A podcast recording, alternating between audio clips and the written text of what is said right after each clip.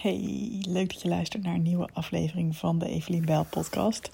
Ik zit, als je dit luistert, of tenminste eigenlijk terwijl ik dit opneem, zit ik op mijn bed. En ehm, ja, ik heb net een uh, vakantie achter de rug, een midweekje. Eerder ook al twee weken gekampeerd en toen weer even een weekje aan het werk. En uh, nog even getrouwd in de tussentijd. Ja, ja, geregistreerd partnerschap. Daar heb ik ook een aflevering over opgenomen over uh, ja, dat ik dat zou gaan doen, zeg maar. Dus de dag voordat het gebeurde. Inmiddels is dat ook echt gebeurd. De podcast die hier tussendoor zijn gekomen, had ik dus al eerder opgenomen.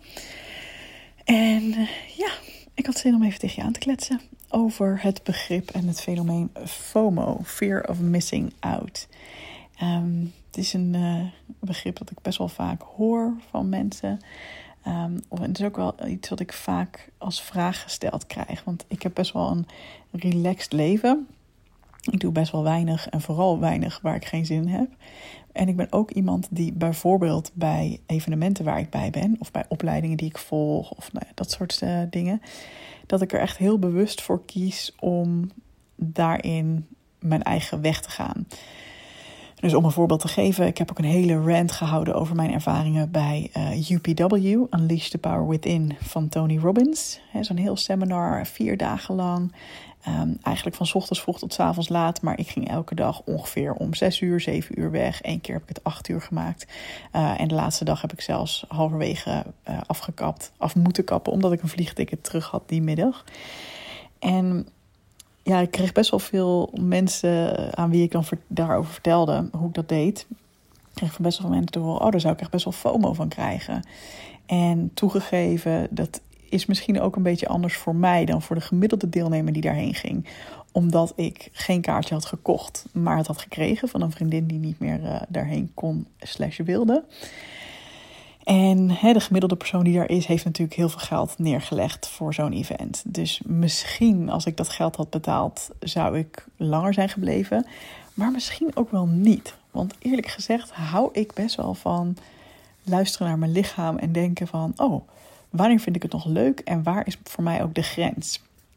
En ik denk bij dit soort uh, events en seminars en dat soort dingen ook heel erg aan. Wat wil ik er eigenlijk uithalen? En dat is voor mij niet zoveel mogelijk doen en zoveel mogelijk erbij zijn en meemaken, maar juist ook uh, me elke dag goed voelen. En om me elke dag goed te voelen, is het voor mij lekker als ik voldoende slaap en voldoende tijd alleen heb. Dus ga ik dan liever wat eerder naar huis, of zelfs vijf uur eerder. Um, zodat ik er daarna meer aan heb. Maar het is niet alleen met dit soort events, maar ook bijvoorbeeld met privéafspraken. Hè? Dat, stel dat er mensen wat gaan doen. Um, nou, een mooi voorbeeld was uh, de afgelopen vakantie. Ik was met vrienden een weekje weg, een midweekje weg in een huis in België. We waren met z'n twaalfen.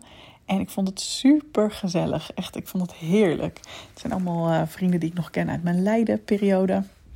Ik woon nu sinds januari uh, niet meer in Leiden, maar in Utrecht met mijn lieve Alwin samen. Um, dus ja, ik weet niet, ik, ik vond het gewoon heel fijn om weer omringd te zijn door vrienden die mij gewoon al heel goed, heel lang kennen. Want die ken ik, die ken ik echt uit mijn studententijd nog. Um, en hoe we dat dan eigenlijk altijd aanpakken, is dat iedereen lekker doet waar die zin in heeft. En er worden ja, elke dag wel dingen ondernomen door mensen buiten het huisje. Dus één dag gingen mensen een wandeling maken. Eén dag werd er gemountainbiked. Er gingen mensen volgens mij ook nog naar een of ander kasteeltje toe lopen of zo. Nou, en als ik zin zou hebben in een van die dingen, was ik natuurlijk zeker aangehaakt. Maar ik was helemaal in de mood van. Ik vind het wel even gezellig om gewoon hier in het huis te blijven met de mensen die dan niet meegaan. Um, en gewoon lekker spelletjes te spelen. Ik heb een beetje zitten kleuren in mijn kleurboek. Ja, ja, dat is nu helemaal mijn nieuwe obsessie. Even tip tussendoor. Bij de Action heb je echt een chille, uh, chille stiften in allerlei kleuren. Van die mooie water, watercolor stiften. Maar ook met glitters. En um, ik vind trouwens die, um, de zwarte, zwartkleurige stiften het beste. Dat zijn van die stiften ook met zo'n dun uh, penseel. Nou goed, maakt niet uit. En je hebt ook van die mandala kleurboeken daar bij de Action. Dus ik vind het helemaal chill. En ik heb twee vriendinnen ook helemaal aan het kleuren gekregen. En het is zo relaxed, want dan ben je een beetje aan het kletsen en een beetje aan het kleuren. En ja, zit je gewoon lekker te chillen. Ik vond het echt helemaal, uh, helemaal top. En ik heb dan absoluut geen FOMO over wat er daar gebeurt buiten het huis. Als mensen een mooie wandeling hebben gemaakt of iets, dan denk ik, oh nou heerlijk, wat leuk voor jullie. maar ik kies nu hiervoor. Ja, nu denk je misschien van ja, oké, maar dan was je nu alsnog omringd door vrienden. Dus dan heb je misschien ook wat minder FOMO. Maar wat als jij de enige was die thuis was gebleven? Ja, ook dan, ik heb dat gewoon echt niet. Ik denk echt nooit, oh, wat jij hebt gedaan, dat klinkt wel leuker als dat wat ik heb gedaan. Bijna nooit.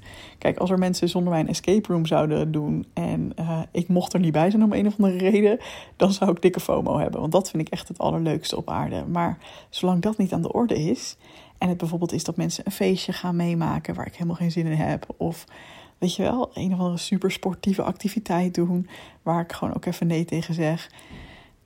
Dan is het bijna nooit zo dat ik dan denk: oh, oh, jullie hebben het leuker dan ik. Omdat ik gewoon heel goed weet van mezelf wat ik fijn vind om te doen en waar ik goed op ga. En ik denk dat wat me misschien ook wel geholpen heeft daarin is, hè, als je wat jonger bent, dan zeg je misschien wel eens ja tegen dingen puur omdat je bang bent dat je anders FOMO krijgt. Of omdat je misschien nog niet zo goed weet hoe je nee kan zeggen, hè? hoe je iets beleefd kan afslaan of zo.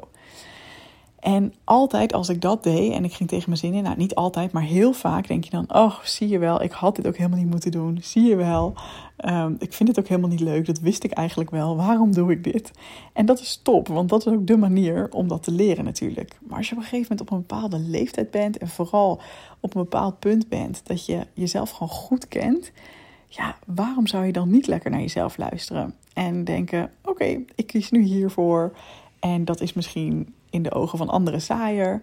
Maar ja, ik geniet ook gewoon heel erg, bijvoorbeeld, van in mijn eentje een serie kijken. Ik ben nu helemaal uh, verslaafd aan de serie Pappadag op Netflix. Dat is omdat ik eigenlijk uh, B&B Vol Liefde al uh, volledig afgebinged heb. Bijgebinged. dat heb ik een weekje namelijk ook niet gekeken op vakantie. Dus dat hebben we nu in het weekend helemaal weer bij zitten kijken. De vijf afleveringen die we gemist hadden. Dus um, ja, heerlijk. Heerlijk, heerlijk, heerlijk. Ik geniet daar gewoon heel erg van.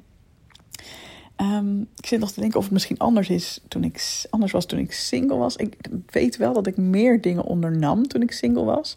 Want dan had ik misschien wel een soort van, ja, als je dan alleen maar s'avonds in je eentje op de bank zit, ja, dan is dat misschien niet het allerlekkerste. Kijk, nu is bijvoorbeeld mijn vriend uh, net vertrokken voor een wandelvakantie uh, in zijn eentje. Dus die gaat uh, nou, twee, drie, vier, vijf dagen, nachten um, wandelen en kamperen. En um, ja, daarna ga ik een opleiding volgen uh, in Tilburg. Vrijdag, zaterdag, zondag. Het is nu maandag. Dus we gaan elkaar waarschijnlijk een weekje niet zien. Maar ik moet zeggen, ik kan me heel goed vermaken. Um, ook gewoon in mijn eentje. Lekker podcast luisteren. Lekker een serietje kijken. Ik vind dat gewoon heerlijk. Dus misschien als je er last van hebt, zit ik te denken: wat zou je dan kunnen doen? Ja, dan zou je kunnen bedenken: oké, wat zit er onder die FOMO? Heb ik eigenlijk, had ik eigenlijk wel zin om met mensen mee te gaan? Had ik eigenlijk wel zin in die activiteit, maar ja, durfde ik om de een of andere reden niet ja te zeggen? Dan is het natuurlijk goed om naar te kijken en te denken van, nou ja, wat, hè, wat zou ik een volgende keer willen doen? Um, maar als het puur is dat je denkt, ja, maar dat had ook leuk kunnen zijn, doe gewoon even een reality check bij jezelf. Ja, maar vind ik dat ook echt leuk? En de vorige vijf keer dat ik iets vergelijkbaars gedaan heb, of dat ik ja zei op het moment dat ik eigenlijk een nee voelde, was dat dan een goed idee? Ja, en dan op die manier kun je ook gewoon realistischer worden. En ja, ik weet niet. Ik heb ook altijd zo'n idee van: ik kan niet op twee plekken tegelijk zijn. Dus kies ik er gewoon voor om te geloven dat de plek waar ik nu ben het aller, allerleukste is.